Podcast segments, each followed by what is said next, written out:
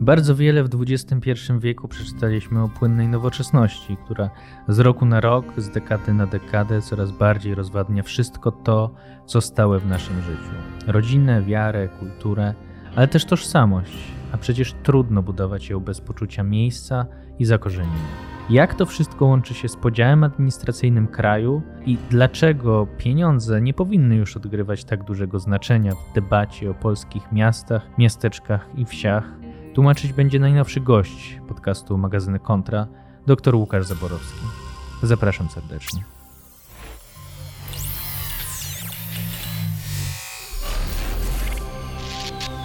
Witam Państwa bardzo serdecznie w kolejnym e, podcaście magazynu e, Kontra.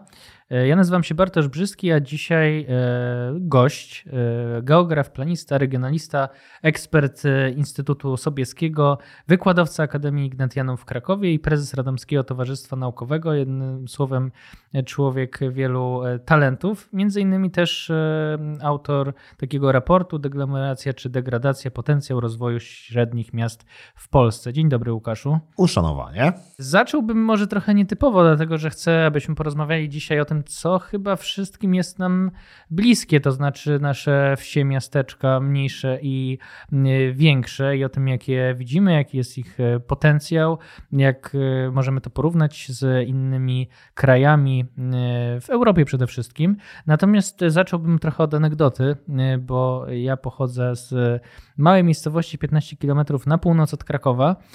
No i myśmy się zawsze na mszy świętej modlili za biskupa, ale Kieleckiego. Kieleckiego. I to była zawsze taki pewne, pewien szok i ja długo tego nie rozumiałam. To znaczy, o co z tym chodzi, że ja tutaj tak blisko Krakowa, a modlę się za innego biskupa i w ogóle jestem w kieleckiej diecezji. Wydaje mi się, że to jest też dla wielu innych wiernych, którzy mają kontakt, wiedzą w jakiej w ogóle są diecezji, też pewien trochę bałagan, bo jednak tych decyzji, diecezji jest dużo więcej niż e, województw. E, I myślę, że chociażby, nie wiem, no tak blisko patrząc, tak, mamy diecezję chociażby na południu przemyską czy tarnowską, no a tak wyobraźni, no to właściwie Przemyśl czy Tarnów, no to nie funkcjonuje, tak? Mamy Kraków, Rzeszów i właściwie niewiele więcej. No ja mam perspektywę bardzo mm, południowo-polską, czy nawet małopolską, no ale te mm, przykłady można multiplikować i na tym przykładzie diecezji, a województwa chciałem z Tobą trochę porozmawiać właśnie o wyobraźni tego, jak widzimy e, te miasta, które no, jakąś e, funkcję taką honorową mniej lub bardziej pełnią. No, myślę, że to jest bardzo, bardzo trafne rozpoczęcie, e, bo rzeczywiście pokazuje dwie diametralnie różne perspektywy, jeśli chodzi o patrzenie na Polskę. W Polsce jest około 40 diecezji. I to nie jest tak, że te diecezje, które, które są powiedzmy takie mniej znane, że one są koniecznie jakieś takie słabsze od e, diecezji przy dużych miastach. Na przykład diecezja tarnowska to jest potęga. E, no, nie tylko dlatego, że jest tam bardzo no, największy odsetek wiernych w Polsce, w znaczeniu ludzi rzeczywiście wierzących i praktykujących, e, ale jest to potęga ze względu po prostu na liczbę mieszkańców. E, to jest jakieś milion dwieście czy milion trzysta tysięcy ludności. To jest tyle, co województwo świętokrzyskie na przykład. Więc jest to obszar, który z, z powodzeniem mógłby być w Polsce województwem ale nie jest, e, ponieważ właśnie, e, ponieważ z kolei w podziale terytorialnym państwowym jesteśmy strasznie skrzywieni e, przez te podziały administracyjne i z kolei województwa są przynajmniej w porównaniu z diecezjami przeskalowane. Drugi wymiar jest taki, że te duże województwa są tak rozległe i często tak zróżnicowane pod względem historyczno-kulturowym, społecznym, gospodarczym, że raczej nie można się spodziewać, że kiedykolwiek e, ludzie będą się z nimi utożsamiać jako z regionem. No, region to jest coś takiego namacalnego, coś takiego bliskiego w promieniu, nie wiem, kilkudziesięciu kilometrów, który jesteś w stanie ogarnąć jakoś tak mentalnie, który znasz. Jak jesteś w województwie, które, e, do, do którego drugiego krańca masz na przykład 200 czy 300 kilometrów i to w prostej linii, nie sposób utożsamiać się z takim regionem. Tym bardziej, że, że często jest to zupełnie inny region, zupełnie inne, niespójne pod względem jakimś właśnie czy historyczno-kulturowym, czy, czy, czy społecznym, mówiąc szerzej. I myślę, że tutaj e, no, to nie, nie tylko dlatego, że jestem wierzącym człowiekiem, ale uważam, że akurat Kościół tutaj e, dużo mądrzej podszedł do podziału terytorialnego. E, mm, jakby nie, nie chodzi o to, żeby iść w takim kierunku, że nagle musi być 40 województw. Nie, to, nie to sugeruje, ale rzeczywiście Oczywiście to, że jest dużo więcej ośrodków e, regionalnych docenionych przez Kościół po prostu jako stolice diecezji. E, no ale także to, że diecezje e, bardzo rzadko się zdarza, żeby diecezje były złożone z regionów niejako obcych sobie pod względem historyczno-kulturowym. Raczej diecezje są dość spójne pod tym względem, w przeciwieństwie do obecnych województw. Mhm. To jest właśnie ciekawa, ciekawa dyskusja, no bo to właśnie jest kwestia tej też e, tożsamości. To znaczy, wydaje mi się z pozycji e, człowieka, który już świadome życie jakoś przeżył bardziej po reformie samorządowej, że dla mnie punktem ciężkości zawsze była ta stolica województwa, tak? że ona jakby funduje pewną tożsamość, nie właśnie ta ziemia, nie lokalność, tylko bardziej patrzyłem przez region jako, e, jako obraz tej najsilniejszej E, najsilniejszego ośrodka miejskiego i z tego względu właśnie jak mówię o tych Kielcach, no to zawsze mnie to jakoś e, szokowało. Co ja mam wspólnego z, e, z Kielcami z jednej strony, jak skoro jestem tutaj bliżej Krakowa, z drugiej strony, tak jak ty mówisz, no są te kwestie, kiedy, kiedy w diecezji jest się mocno jakoś zakorzenionym na przykład z Tarnowem, a w rzeczywistości gdzieś ten Tarnów ginie w tej całej, całej debacie. I zastanawiam się pod kątem takiego tożsamościowego trochę, zakorzenienia lokalnego, bo wydaje mi się, że też żyjemy w takim momencie wykorzenienia z, z jakiejś takiej lokalności, czy e, w, debacie, która pewnie za jakieś dwa lata wróci, czyli e, jakiejś kolejnej rocznicy reformy samorządowej, czy nie powinniśmy też tego argumentu podnieść, to znaczy, że dużo rzeczy pewnie nam się tą reformą udało zrobić e, samorządową, ale z drugiej strony niejako wykorzenienie wypędziliśmy trochę y, ludzi z tego, y, z tego poczucia miejsca, tak? I że tutaj Kościół jednak e, no, przez taką ciągłość dużo bardziej gdzieś zachował właśnie ten, tą ciągłość historyczną, tożsamościową. No właśnie, ale, ale ciekawe jest to, że Kościół przecież też dokonał reformy podziału terytorialnego na diecezję i to dość no, drastycznej wręcz bym powiedział e, w latach 90., na początku lat 90., czyli niewiele wcześniej, no kilka lat wcześniej niż ta reforma państwowa. E, tylko właśnie e, ta reforma, no, użyłem słowa drastyczna, to może złe słowo, ona była daleko idąca, ale ona właśnie nie była drastyczna pod tym względem, że ona nie szła w takim kierunku, że teraz tworzymy całkiem nowe jednostki, tylko te jednostki jednak w dużym stopniu nawiązują do tych podziałów e, historyczno-kulturowych i wywodzą się z tych jednostek wcześniejszych i to jest dobre w Kościele. Przykład, ten przykład okolic, nie wiem, Miechowa pewnie, tak, gdzieś, mhm. co mówisz, no on jest akurat, to jest bardzo fajny przykład, no, ale on on tutaj e, nie jest miarodajny dla nas, dlatego że tutaj akurat była, był taki, taka, takie zagadnienie, że po prostu tutaj w tych granicach decyzjalnych została e, dość długo utrzymana granica zaborów i dlatego ona sięgała pod, pod sam Kraków i to jest po prostu też jakieś tam dziedzictwo e, no, zmian, przemian historycznych. Natomiast zazwyczaj jest jednak tak, że to diecezja bardziej oddaje region jakiś historyczny i też funkcjonalny często niż, niż województwo. I, I myślę, że to bardzo znamienną rzecz powiedziałeś, że, że po prostu postrzega się e, e, regionalność, jeżeli regionalność w odniesieniu do tej samorządności powiedzmy politycznej, tak, to, to, to, to niestety postrzega się przez pryzmat tego głównego miasta. E, mhm. Czyli krótko mówiąc, województwa są scentralizowane mentalnie, również mentalnie. Jeżeli coś jest scentralizowane mentalnie i ktoś mieszka gdzieś, ale swoją niby tożsamość wywodzi od jakiegoś tam miasta, które jest odległe na przykład od 100, po 100 kilometrów, to to nie jest żadne zakorzenienie, prawda? To jest właśnie wykorzenienie, tak jak powiedziałeś, to jest wykorzenienie. E, I to jest problem, że te województwa, które stworzyliśmy, e, one w większości nie mają swojej tożsamości terytorialnej.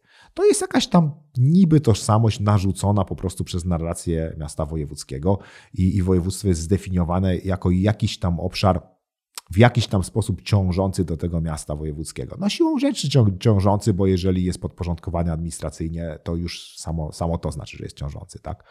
E, ale to nie jest tak, że, że ta tożsamość wyrasta z całego tego obszaru, tylko właśnie ona jest narzucona centralnie. I to jest złe, bo zasadniczo wykorzenienie jest złe, e, a dobre jest zakorzenienie, bo ono się przez przekłada po prostu na, na podstawę, postawę patriotyczną, mówiąc szumnie, patriotyczną, czyli taką, w której ja chcę coś dobrego uczynić dla swojego otoczenia. Bo patriotyzm zaczyna się w moim mieście, potem się przekłada na jakieś tam moją okolicę, potem jest region i tak dalej. E, od, od, oddolny patriotyzm, a nie, a nie taki patriotyzm narzucony z góry, że ja teraz, nie wiem, mieszkam w województwie małopolskim, więc będę bił pokłony Krakowowi, powiedzmy, nie? I będę pracował tylko na Kraków. Wszyscy przyjedźmy do Krakowa, wszyscy, wszyscy tu zamieszkajmy i będziemy wszyscy robić na sukces Krakowa. No to coś troszeczkę do tego sprowadza, taka narracja ogólnowojewódzka narzucana e, właśnie przez miasta wojewódzkie. Wydaje mi się, że to w ogóle dyskusja, jak jeszcze zostajemy na tych kwestiach tożsamościowo-historycznych, e, to jak się te właśnie historyczne regiony, jak województwa się pokrywają, no dla wielu osób, nawet dzieciaków, które w szkole się uczą, później mamy, rozpoznają chociażby Śląsk, tak? Jakby gdzie leży historyczny Śląsk, gdzie leży Śląsk, jeśli popatrzymy na województwa, wprowadza tak duży, duży e, chaos, że e, trudno później no w tym się niejako odnaleźć. Trudno, trudno uchwycić w ogóle, co te województwa chcą nam pokazać. Czy to jest właśnie funkcjonalne e, rozróżnienie, bo były jakieś przepływy, tak? Czy, czy właśnie są jakieś zaplecza, e, czy to jest kwestia historyczna? No jak mówisz, właściwie żadnej z tych rzeczy obecne województwa nie pełnią no to, to, co powiedziałeś, to jest po prostu, to jest jakiś koszmar, to jest jakaś tragedia w ogóle, jeśli chodzi o względy edukacji, e, mhm. edukacji historycznej. E, nie, nie, nie wyobrażam sobie, jak można było coś tak głupiego zrobić, że zostały stworzone jednostki e, terytorialne, to znaczy obecne województwa, na podstawie jakichś tam względów funkcjonalnych. Tak jak powiedziałem o Sielcach, są też błędy również w tym, e, jeśli chodzi o branie pod uwagę tego czynnika, ale, ale to jednak są jakoś tam województwa o, o znaczeniu funkcjonalnym, prawda, a nie historycznym. Mhm. I, I, im nadano historyczne nazwy. To jest po prostu coś, coś niewyobrażalnego. No, ten Śląsk na przykład, e, to znaczy to województwo śląskie nazywane Śląskiem, to jest w ogóle już szczyt absurdów, tak? Bo, bo województwo śląskie jest, jeśli chodzi o jego powierzchnię, w połowie małopolską.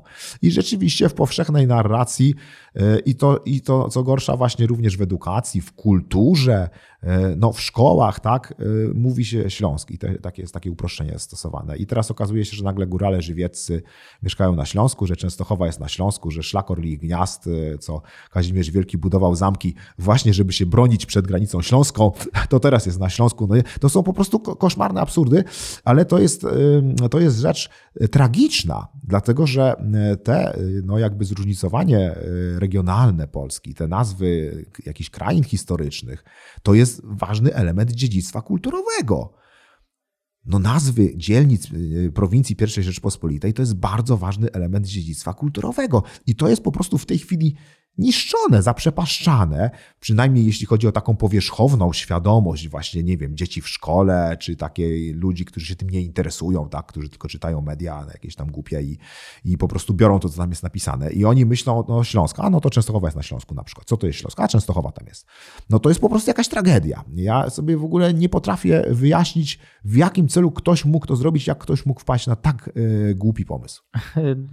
Nie sądziłem, że, że powiesz to tak y, wyraźnie, ale w takim razie e, no, cały czas zostajemy w tym e, temacie e, historycznym też, ale mm, przeniósłbym nieco ten ciężar na, na kwestię chociażby tego, jak kształtują się migracje wewnątrz kraju, dlatego że wydaje mi się, że tutaj to jest też ogromne dla nas mentalne właśnie wyzwanie tego, że tak dużo osób migruje do dużych miast. Wydaje mi się, że zostając właśnie e, cały czas na tym, na tym poziomie autoidentyfikacji, to chociażby widać w, w różnych produkcjach. Myśmy rozmawiali kiedyś z, z, z kolegami, że właściwie nikt nie opowiada Polaków mieszkających w niemetropolitalnych miastach. To znaczy są Polacy, którzy mieszkają w Warszawie albo powiedzmy jakimś Wrocławiu i są Polacy, którzy mieszkają na prowincji, tak? Albo są programy, którzy, nie wiem, rolnik szuka żony, tak? Że są rolnicy,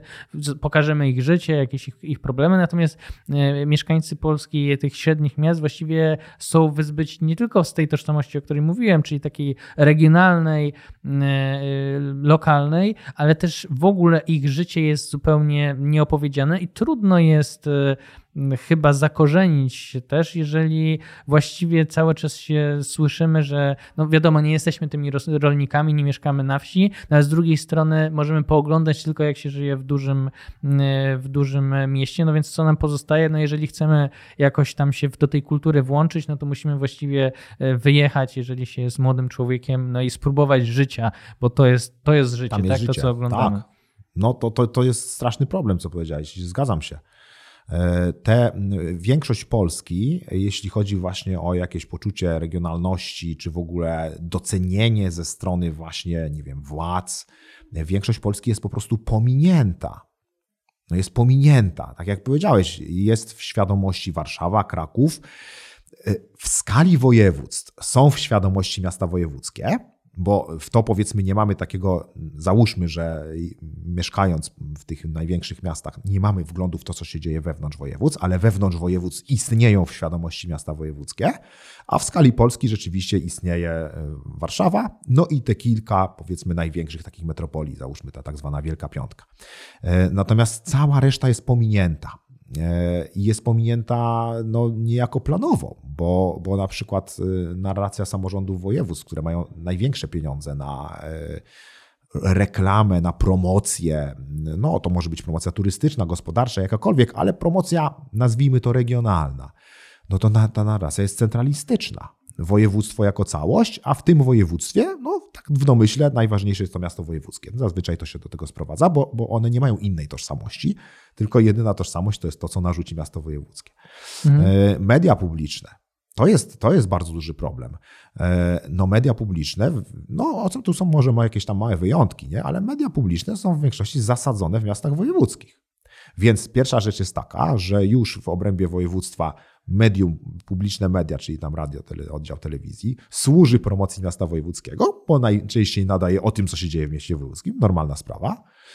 E, a druga rzecz, że na antenę ogólnopolską trafia to, co przyjdzie, jeśli w ogóle coś trafia z prowincji tak zwanej, to trafia to, co dadzą e, oddziały, które są w miastach wojewódzkich. I zdają zazwyczaj to, co się dzieje w miastach wojewódzkich, a na przykład to, co się czasami, jak się coś tam dobije z prowincji, to będzie to albo coś śmiesznego, albo coś głupiego, albo coś tragicznego. Mhm.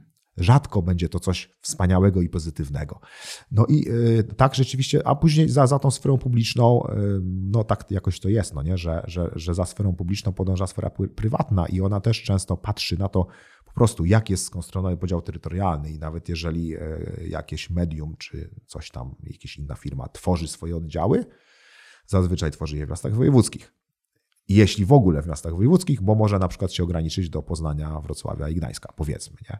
Mhm. Więc y, to jest ogromny problem. To jest ogromny problem, że rzeczywiście większość polskich regionów y, jest niedoceniona, jest pominięta y, w opowieści o Polsce. A jak się jest nikim, no to trudno mieć poczucie jakiejś dumy i godności z tego, kim się jest. Mhm.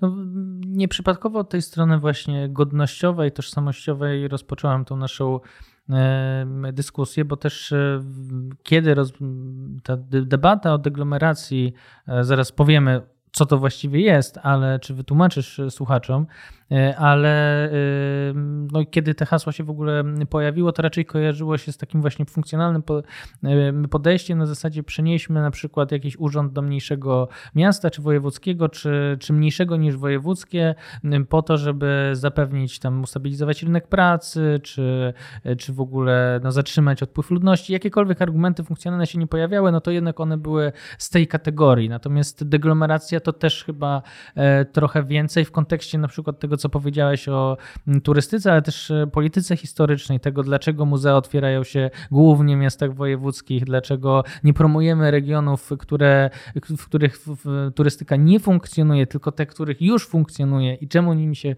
chwalimy, to jest, to jest otwiera się nam tutaj szerokie spektrum. No a wydaje mi się, że też chcemy w tej, czy ja bym chciał w tej rozmowie, żebyśmy właśnie trochę wzburzyli naszych słuchaczy e, tym, że, no, że chcemy właśnie powiedzieć o tych mieszkańcach tej Polski, która e, jest pominięta, czy to przez władze centralne, czy przez e, wojewódzkie, a mogłaby w jakiś sposób zaistnieć, w jakiś sposób między innymi dzięki temu hasłu deglomeracji. No tak, deglomeracja jest oczywiście pewnym hasłem i, i, zazwyczaj ją kojarzymy z jakimś tam przenoszeniem instytucji, tak? I traktujemy ją tak trochę funkcjonalnie, można powiedzieć. No, ale rzeczywiście e, tożsamość jest czymś, jest, jest większą wartością niż, niż miejsca pracy, niż pieniądze i tym podobne sprawy. Oczywiście to, to sama tożsamość tego nie zastąpi, e, ale e, tożsamość daje zakorzenienie i daje motywację do tego, żeby chcieć działać na rzecz jakiegoś tam regionu swojego. E, daje motywację do tego, że nawet jak stamtąd wyjadę, to mam ten region w sercu, to jest moja mała ojczyzna, tak? I chcę jakoś tam coś dobrego zrobić. E, no, daje motywację choćby do tego, że zanim wyjadę, to się przynajmniej zastanowię, czy może nie mam też możliwości robienia czegoś tutaj na miejscu. A dla większości ludzi to, to nawet y, nie ma, nie ma takiego etapu. To jest przerażające, że przeciętny licealista właśnie z tak zwanej prowincji e, raczej nawet nie rozważa on jeszcze się nie zderzył z realnym życiem, on jeszcze tego nie sprawdził, tylko po prostu już z założenia yy, taką ma mentalność, że no muszę wyjechać do Krakowa, do Warszawy czy gdzieś tam, czy przynajmniej do miasta wojewódzkiego, jakiegoś tam Rzeszowa, tak? bo, bo tam, yy, no tam jest życie, tak jak powiedziałeś, a, a tutaj to, no, to jest jakieś tam dziadostwo, tu nic nie ma, nic nie ma. Tak? No więc właśnie, regiony, które mają yy, silne poczucie tożsamości, nie powiedzą, że tu nic nie ma. E, myślę, że takich regionów nie ma dużo w Polsce, ale na przykład na Podhalu nie powiedzą, że tu nic nie ma. O, to też jest region, z którego ludzie wyjeżdżają, ale nie powiedzą, że tu nic nie ma, bo mają poczucie tożsamości i to jest, to jest niesamowicie ważne. E, I rzeczywiście to, że my tę większość regionów po prostu niejako odarliśmy z tożsamości, nie tylko teraz, bo, bo niestety za Polski Ludowej mm, nie było, nie było też, e, to nie było też dobrze widziane. Owszem, taka kultura ludowa, folklor, cepelia, nie, takie rzeczy, ale taki miszmasz, tak, że wszędzie będziemy sprzedawać łowickie lalki na przykład. E, nie było e, nacisku na regionalność, więc ta regionalność jest tępiona od dość dawna. No a teraz to, co się dzieje, no to jest po prostu tragedia. To, że właśnie w tych wielkich województwach na przykład narzuca się tym regionom jakąś obcą tożsamość, to, to najgorsze to jest w Mazowieckim, bo tam to po prostu jest, jest systemowa propaganda mazowieckości w regionach, również w regionach niemazowieckich. E, więc kim ci ludzie mają się czuć? Jak oni mają mieć poczucie swojej godności z tego, że mieszkają na Radomszczyźnie, czy mieszkają na Podlasiu Południowym, jeżeli im się e, wtłacza, wtłacza do głowy, że mieszkają na Mazowszu? Nie? No ale na jakim Mazowszu? No ja nigdy, nigdy nie będę Mazowszaninem, no bo albo jeśli będę udawał Mazowszanina, no to będę tylko kogoś udawał, tak? I będę zawsze kimś gorszym. No to nie o to chodzi. Chodzi o to, żeby mieć poczucie godności, poczucie tożsamości w miejscu, w którym mieszkam i żeby to było realne poczucie wynikające z, z mojej tradycji, z mojej kultury, z mojej historii. No to jest chyba łączy się też z taką tym hasłem, e, już teraz wyblakłym trochę, ale cały czas gdzieś rezonującym, to znaczy z tą pedagogiką wstydu, to znaczy przynajmniej na południu Polski czy południowo-wschodniej Polsce, tak, e, kiedy zaczynaliśmy właśnie od tego tematu diecezji, katolickości. Przecież, no to jest zasadniczo taka pedagogika pod tytułem no macie jakąś tożsamość, ale ona nie jest do końca mile widziana, tak? Znaczy, że jednak dążymy do pewnej unifikacji tożsamości, że są jakieś może regiony, są jakieś specyfiki lokalne, no ale zasadniczo no to my tu dążymy do pewnego standardu, który jednak mocno jest zakorzeniony w takiej mentalności metropolitalnej i, i wydaje się, że właśnie mimo wszystko to, y, y, to wykorzenienie też temu y, trochę służy. Być może nie jest to jakoś, nie był to jakiś wielki plan, masterplan, który się zrealizował, ale no trudno powiedzieć, żeby nie, to ze sobą nie, nie współgrało. I z tego powodu chyba mm, no, trochę się dziwię, że do tej pory nikt na poważnie nie próbował tego tematu e, właśnie województw e, jako takich emblematycznych dla tego problemu na nowo poruszyć. Być może po prostu politycznie jest to tak bardzo trudne do, do przeprowadzenia, ale też właśnie lokalne, te lokalne społeczności za bardzo chyba nie walczą o to aż tak mocno, ale może się mylę. No właśnie, to, ale to tutaj poruszyłeś dużo, dużo ważnych mhm. problemów, bo e, jeden problem, no, zaczynając od tego ostatniego, e, to nie jest tak, że społeczności lokalne e, czy regionalne nie walczą o, o swoją tożsamość. No walczą. To, to, co się dzieje na przykład w zachodniej części województwa śląskiego, a zwłaszcza w Żywiecczyźnie, Stowarzyszenie Beskidzki Dom. Oni są bardzo czynni tylko, że to, y, no cóż, no to oni mogą sobie tam krzyczeć gdzieś w Żywcu czy w Bielsku, no ale to nie jest słyszalne w Polsce, tak? Jest ruch, który żąda zmiany nazwy województwa śląskiego na Śląsko-Małopolskie. Od dawna taki ruch istnieje. Ktoś, kto się tymi rzeczami interesuje, może to śledzić w sieci i zobaczy, jak, jak, jak na ile możli, no, w miarę możliwości jest to aktywne. Tylko, że problem polega na tym, że poważne idee, które są słuchane w Polsce, one wychodzą ze środków metropolitalnych. Tam siedzą tak zwane elity, no, tam też są różnego rodzaju instytucje, które mogą coś podjąć, tak żeby mieć na przykład pieniądze na sfinansowanie jakiejś, nie wiem, akcji czy, czy czegoś, jakiejś promocji. Więc y, no, stamtąd to nie wychodzi, bo oni są zadowoleni z tego stanu rzeczy. Ich to zadowala, tak? To nie jest ich problem. To nie jest problem Warszawy, że gdzieś na południu województwa ludzie krzyczą, że oni nie są Mazowszem. To przecież z punktu widzenia Warszawy to są jacyś wariaci, którzy no, mają jakiś dziwny problem, no nie? Trochę jak wioska Galów. Tak się... Trochę jak wioska Galów, to jest taka wioska Galów, no nie? Oni są albo śmieszni, albo żałośni, ale na pewno nie są y, kimś, kogo należy poważnie traktować. I to się nie przebija dlatego do mediów warszawskich, bo w Warszawie nikogo to nie dotyka. I to, ale to trochę jest związane z tym, co powiedziałeś pierwsze. I to też jest bardzo ciekawe, że mm, taka mentalność y, w ogóle, mm, no może w uproszczeniu powiedzmy liberalna, chociaż to nie, nie, może nie jest najlepsze słowo, y, ale taka w opozycji do konserwatywnej. E, która e, właśnie nie zasadza się na żadnej tożsamości, tylko jesteśmy obywatelami świata, jesteśmy kosmopolitami, tak? Żyjemy w metropolii, metropolia jest multikulturowa. Oczywiście to jest zawsze cecha metropolii i to też niekoniecznie jest zła cecha wcale. E, natomiast rzeczywiście ten punkt widzenia metropolii, która jakby jest wartością sama w sobie, załóżmy taka Warszawa, tak? Warszawa nie potrzebuje żadnego Mazowsza, żeby się promować.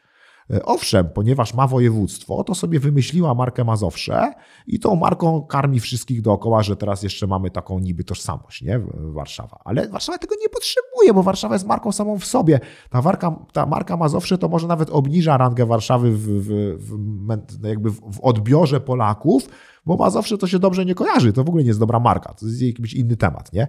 Natomiast Warszawa jest marką samą w sobie. Kraków też jest marką samą w sobie. Kraków nie potrzebuje żadnej Małopolski do tego, żeby się promować. Dlatego te elity metropolitalne, jeżeli używają takich e, jakichś haseł tego typu, no to robią po prostu dlatego, że uważają, no jeżeli mamy jakieś tam województwo, no to będziemy takiej marki używać, załóżmy, nie? Ale one tego nie potrzebują tak naprawdę. Tak naprawdę dla nich to nie jest ważne. E, nikt w Warszawie nie będzie umierał za Mazowsze, nikt w Rakowie nie będzie umierał za Małopolskę, cokolwiek by to nie znaczyło, te, te pojęcia. Mhm. E, oni to, jeśli to traktują, to jakoś tam instrumentalnie. Natomiast, e, no, niestety, te narzędzia są używane do tego, żeby po prostu nie dopuszczać do głosu.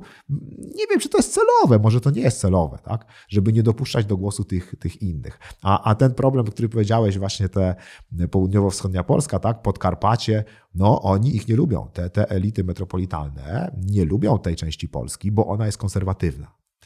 To jest jeszcze inne zagadnienie, bo to nie jest tak, że, że jak gdzieś jest silna tożsamość yy, i poczucie jakby takiej wartości miejscowej, że to musi być zaraz konserwatywne w rozumieniu politycznym. Wcale nie. Właśnie bardzo dużo ruchów lewicowych yy, też się zwraca ku yy, odnowie tożsamości.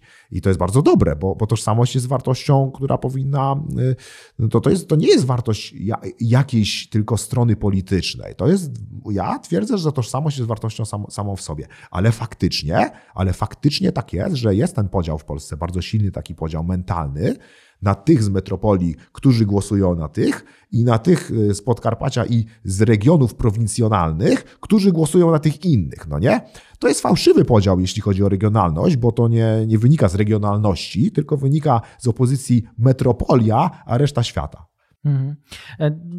E, to w takim razie nam jakoś tak e, naturalnie wynikło to moje kolejne pytanie, to znaczy mamy jakiś ten e, układ przestrzenny taki bardzo niemiecki mówi się, tak? To znaczy rozproszone miasta, no właśnie średniej czy większej wielkości, całkiem duże, e, no a jednocześnie ta polityka jest taka bardzo, jak to się też przykładowo mówi, czyli jako przykład podaje, czyli taka francusko-paryska, tak? Czyli maksymalna centralizacja. Zastanawiam się, dlaczego cały czas nie nie dokonaliśmy tego rozpoznania, że przecież e, mimo wszystko, no tak jak że kojarzymy bardzo dużo miast jednak niemieckich, tak? że one mają różną specyfikę, różne e, takie swoje unikalne umiejętności. E, no właśnie jest dużo bardziej zdeglomerowane e, to państwo, a z drugiej strony mamy ten przykład francuski, który no może ktoś kojarzy poza Paryżem ze trzy miasta, ale umówmy się, nawet nie wiem, czy by wskazał na, na mapie, tak? W Niemczech jest to dużo bardziej,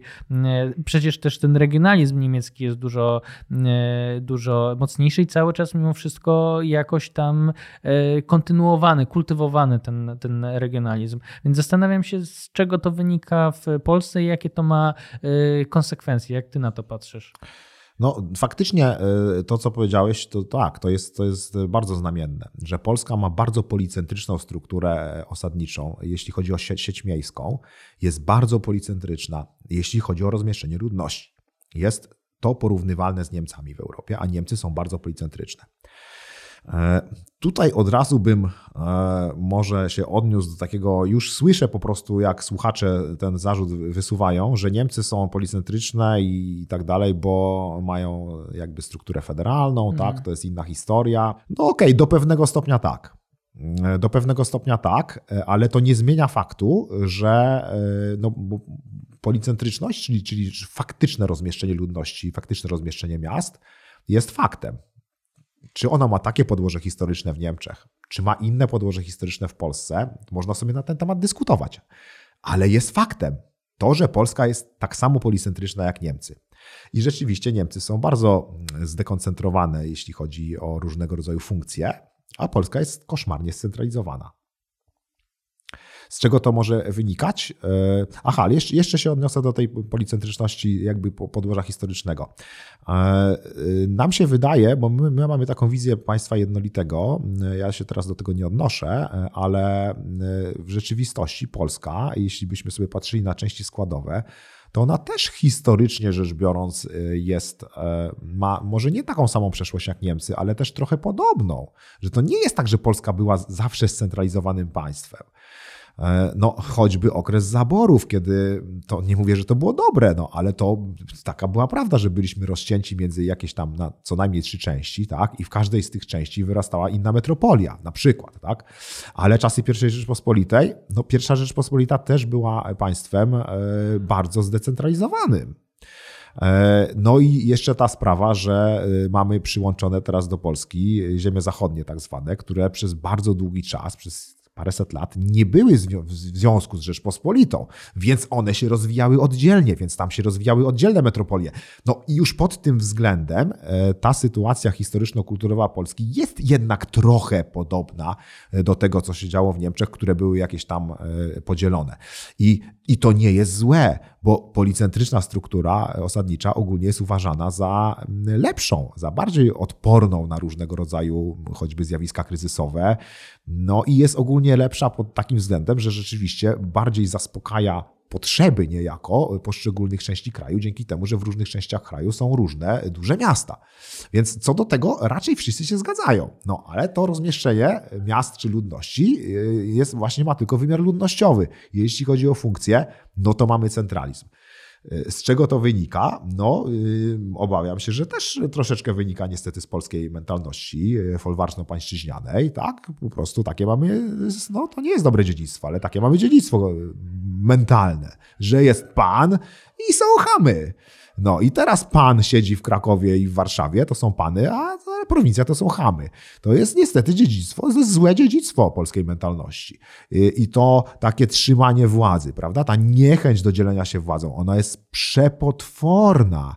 E, e, ludzie, którzy mieszkają w metropoliach w Polsce, nie, nie mają pojęcia, jaki to jest ogromny problem, kiedy mieszka się w innym mieście i próbuje się walczyć o to, żeby to miasto weszło na jakiś wyższy poziom, choćby wyposażenia w pewną infrastrukturę publiczną. Takie zakusy będą zwalczane przez e, elity metropolitalne. Proszę sobie spróbować rozwijać ośrodek akademicki w Tarnowie na przykład i zobaczyć, jak bardzo krakowianie będą temu przeszkadzać.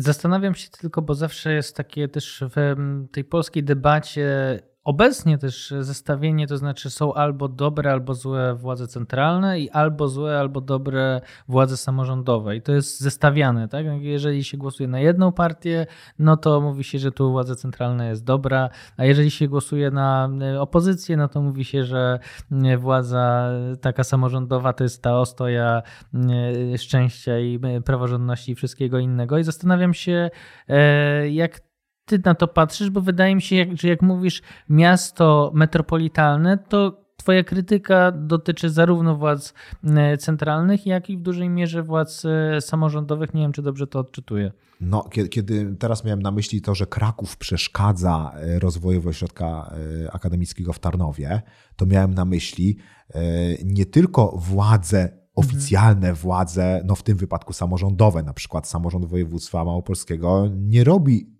zbyt wiele, żeby wspierać rozwój ośrodków akademickich poza Krakowem. E, ale miałem na myśli wszystkie po prostu siedzące tutaj elity, w tym, no, jeśli na tym przykładzie, posługuję się mhm. tym przykładem rozwoju ośrodka akademickiego, najbardziej będą przeszkadzali wszyscy ci rektorzy i inni, i wszyscy święci z uczelni krakowskich, jeżeli tylko będzie mowa o rozwoju e, Tarnowa, bo Tarnów jest konkurencją. Kraków ściąga koszmarnie dużo młodzieży z, nie tylko z województwa, ale w ogóle z, z, Polski. Ale i tak mało. I tak to jest dla nich za mało. I oni nie chcą, żeby się rozwijał ośrodek w Tarnowie, bo część ludzi, bo parę tysięcy ludzi pójdzie studiować do Krakowa, a nie do Tarnowa i my nie będziemy zarabiać. My nie będzie dla nas pracy po prostu. To o to mhm. chodzi. To są różnego rodzaju e, zakusy, takie działania e, no, jak to się mówi brzydko, lobbystyczne, które są zakulisowe. My o tym nie wiemy, ale ja widziałem takie różne rzeczy. Ja na przykład osobiście widziałem, osobiście widziałem, nie powiem gdzie, ale osobiście widziałem, e, kiedy była taka, powiedzmy, ankieta prowadzona z poziomu centralnego w Polsce e, na temat e, samorządu. Co ciekawe, ogólnie, co należałoby w samorządzie zmienić to ja widziałem osobiście pismo, które przyszło z jednej z uczelni medycznych, w, no, w ośrodku metropolitalnym oczywiście, w którym, w którym było wprost powiedziane, że nie należy rozwijać e, e, kierunków medycznych w takich miastach jak Radom czyli w nowych, e, nowych mhm. uczelniach, gdzie dotychczas ich nie było. Oni się do tego posunęli, że zadali sobie trud, żeby takie pismo wystosować, mimo że ankieta nie dotyczyła w ogóle tego zagadnienia mhm. dotyczyła tego, co to ogólnie sprawy samorządowe, tak? I oni wystosowali takie pismo. Ta uczelnia medyczna to napisała do jednego z urzędów centralnych, żeby właśnie zabiegać o to, żeby czasem nie powstawały kierunki medyczne w nowych ośrodkach. Więc to jest bardzo silna tutaj taka powiedzmy e, kasta polityczno-urzędniczo-instytucjonalna w tych e, największych ośrodkach, która po prostu broni swoich wpływów. Niestety mhm. jest to po prostu takie parcie, bardzo silne parcie na władzę. Przywołałeś e, ten przykład e, Radomia. No i Radom jest nazywany największym średnim miastem, jeśli poprawnie, jeśli się e, mylę. E, ale z taką nazwą się spotkałem, więc ją przywołuję. No ale też wydaje mi się, że przez to, że mamy mm, właśnie ten obraz takiego miasta metropolitalnego, czyli miasta, które najlepiej jest w skali Warszawy i traktujemy to za jedyne właściwie takie wzorcowe miasto, które tam ma milion siedemset tysięcy mm, mieszkańców, no to wydaje nam się, że mm, miasta nawet mniejsze wojewódzkie, a nie mówiąc już o takich miastach jak nie wiem Częstochowa, jak Radom, że one właściwie no nie pretendują do miana poważnego, e, poważnego miasta.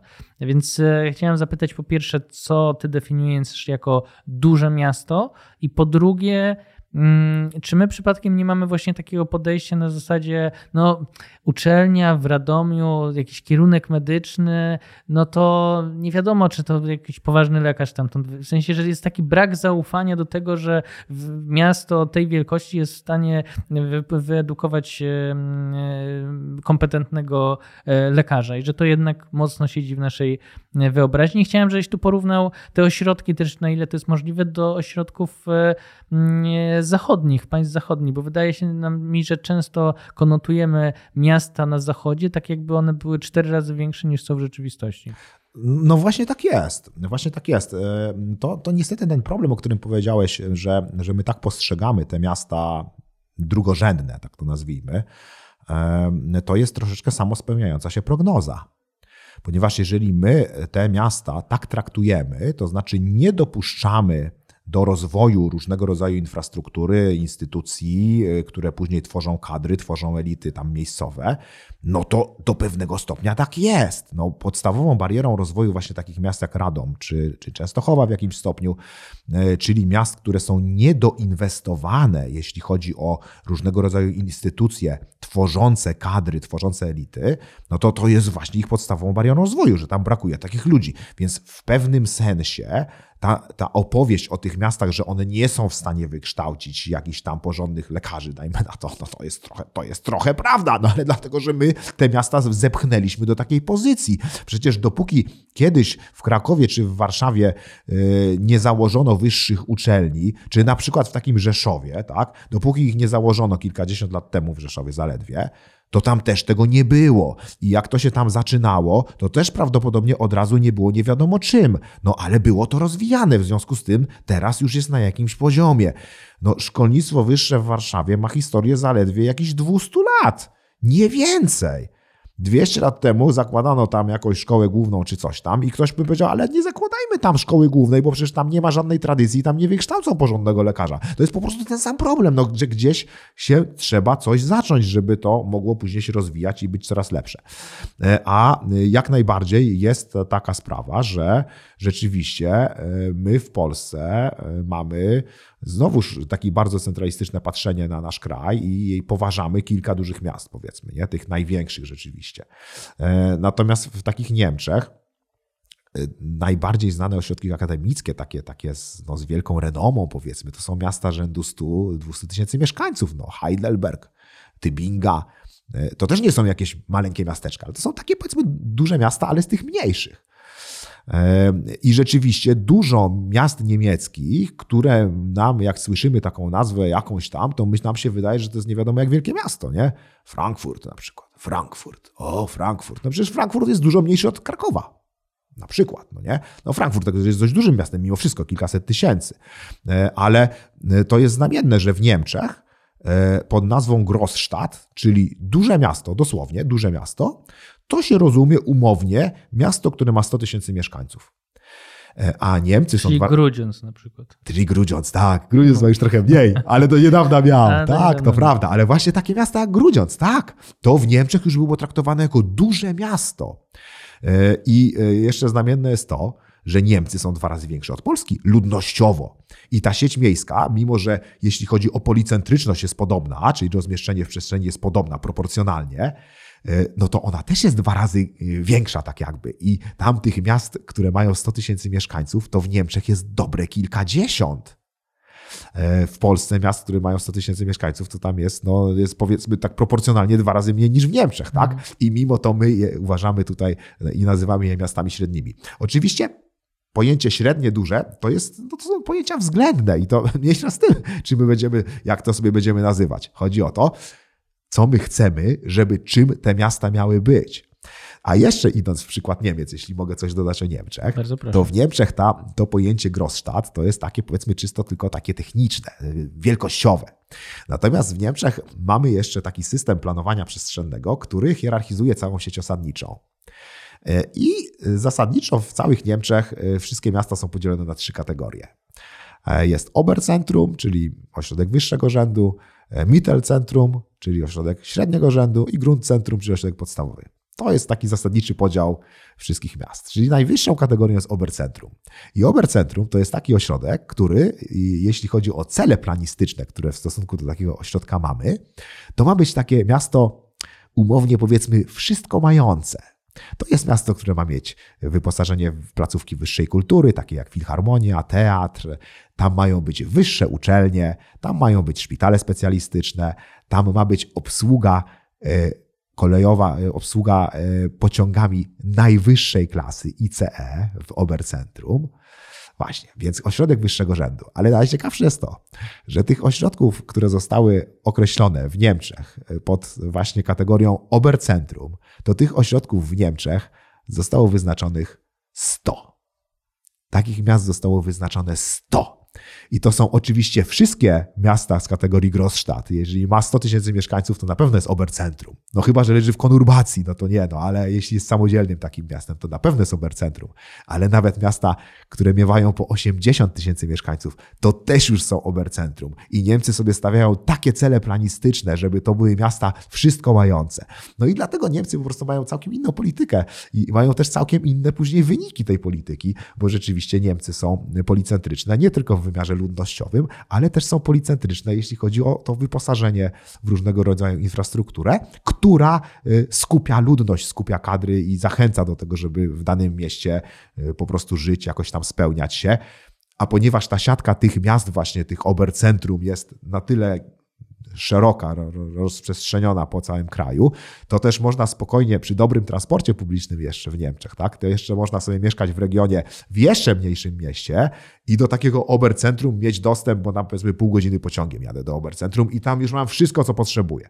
No to wtedy takie państwo rzeczywiście daje o tyle, ile to jest możliwe, równe możliwości rozwoju wszystkim swoim obywatelom, co też jest założeniem Rzeczpospolitej, ale to jest tylko założenie w Polsce. Tak, założenie konstytucyjne, tak. E, które, które najwyraźniej nie jest e, realizowane. Zastanawiam się, bo myślę, że 40 e, minut tutaj grillujemy trochę naszą e, politykę, jeśli chodzi o regiony, jeśli chodzi o miasta. Chciałem zapytać Cię, co Ty byś wymienił jako takie najważniejsze e, rekomendacje, to znaczy czego my powinniśmy się w, tych, w tej polityce, w tym zakresie domagać, bo no wydaje mi się, że wszyscy trochę poniekąd e, ogarnia nas trochę apatia, to znaczy przyzwyczailiśmy się, że musimy się zmagać z jakimś wykluczeniem komunikacyjnym, z tym, że nasze dzieci muszą wyjeżdżać do miast e, oddalonych o,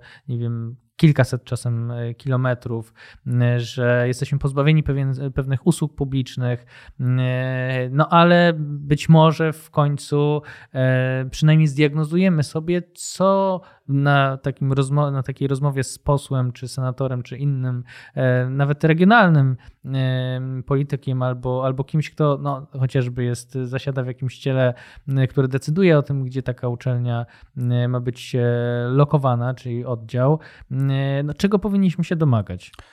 To ja bym to ujął tutaj tak na, na roboczo w takich trzech, trzech hasłach. Na początek. Hierarchizacja, standardy, obiektywizacja. E, hierarchizacja, czyli hierarchizacja sieci osadniczej. E, czyli takie rozpoznanie przestrzeni kraju e, pod kątem tego właśnie, jaki potencjał ma dane miasto. Potencjał wynikający z czego? Ano z tego, jak ono jest duże i jaki potencjalnie region przy sobie skupia. E, w, oczywiście w zupełnym oderwaniu od y, podziału administracyjnego. Czyli miasto duże, które jest powiedzmy takiej samej wielkości jak miasta wojewódzkie i przy sobie potencjalnie skupia podobnej wielkości region, z którego jest najbliżej do tego miasta, ma być traktowane tak samo dobrze jak miasta wojewódzkie. Czyli taka, stworzenie takiej hierarchii. No to wiadomo, będą te ośrodki metropolitalne, one też są potrzebne jako te najważniejsze, główne i mające rzeczywiście wyposażenie jakieś tam specjalistyczne, ale potem będzie ranga jakichś tam dużych miast, potem będą jakieś miasta średnie, i to nie będą w żadnym wypadku wszystkie miasta powiatowe. Znowu, nie, nie myślmy kategoriami y, administracyjnymi.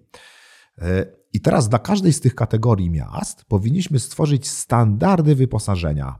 Co takie miasto powinno mieć? Na przykład, jakie powinno mieć wyższe uczelnie publiczne? Ile w nich powinno być studentów?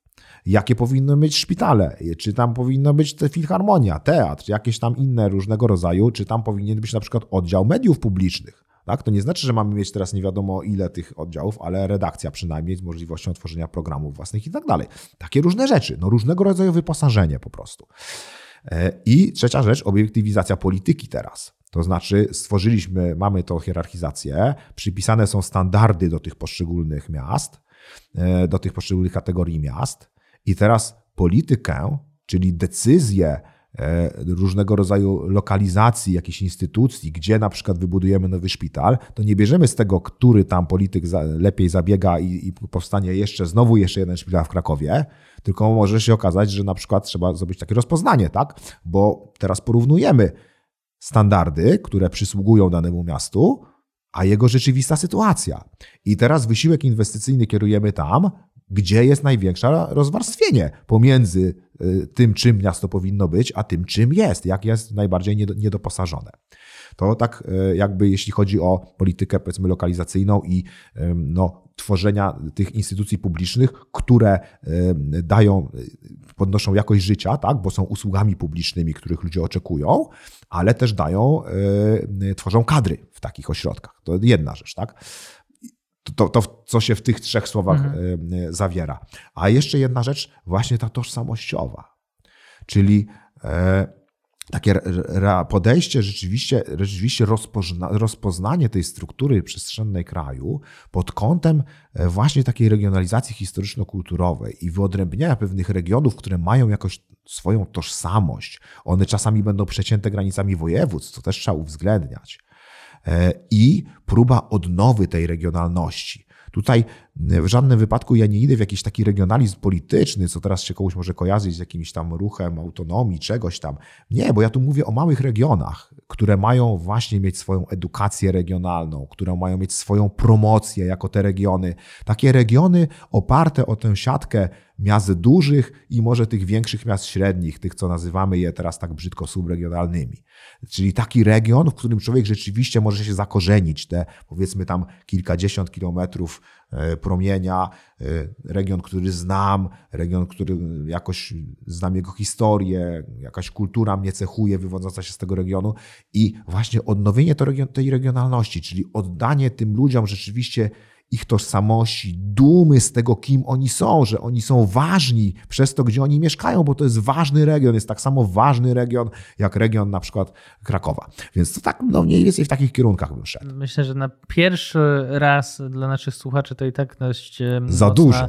mocna pigułka, więc już nie będę dopytywał do wszystkiego, co się pojawiło i gdzieś zgubiło w toku, w toku dyskusji. E, bardzo dziękuję Łukaszu za rozmowę. Dziękuję, bardzo mi miło. E, dziękujemy naszym słuchaczom i zapraszam serdecznie do, mm, do wysłuchania kolejnych e, naszych podcastów, magazyny Kontra. Do usłyszenia. Kłaniam się.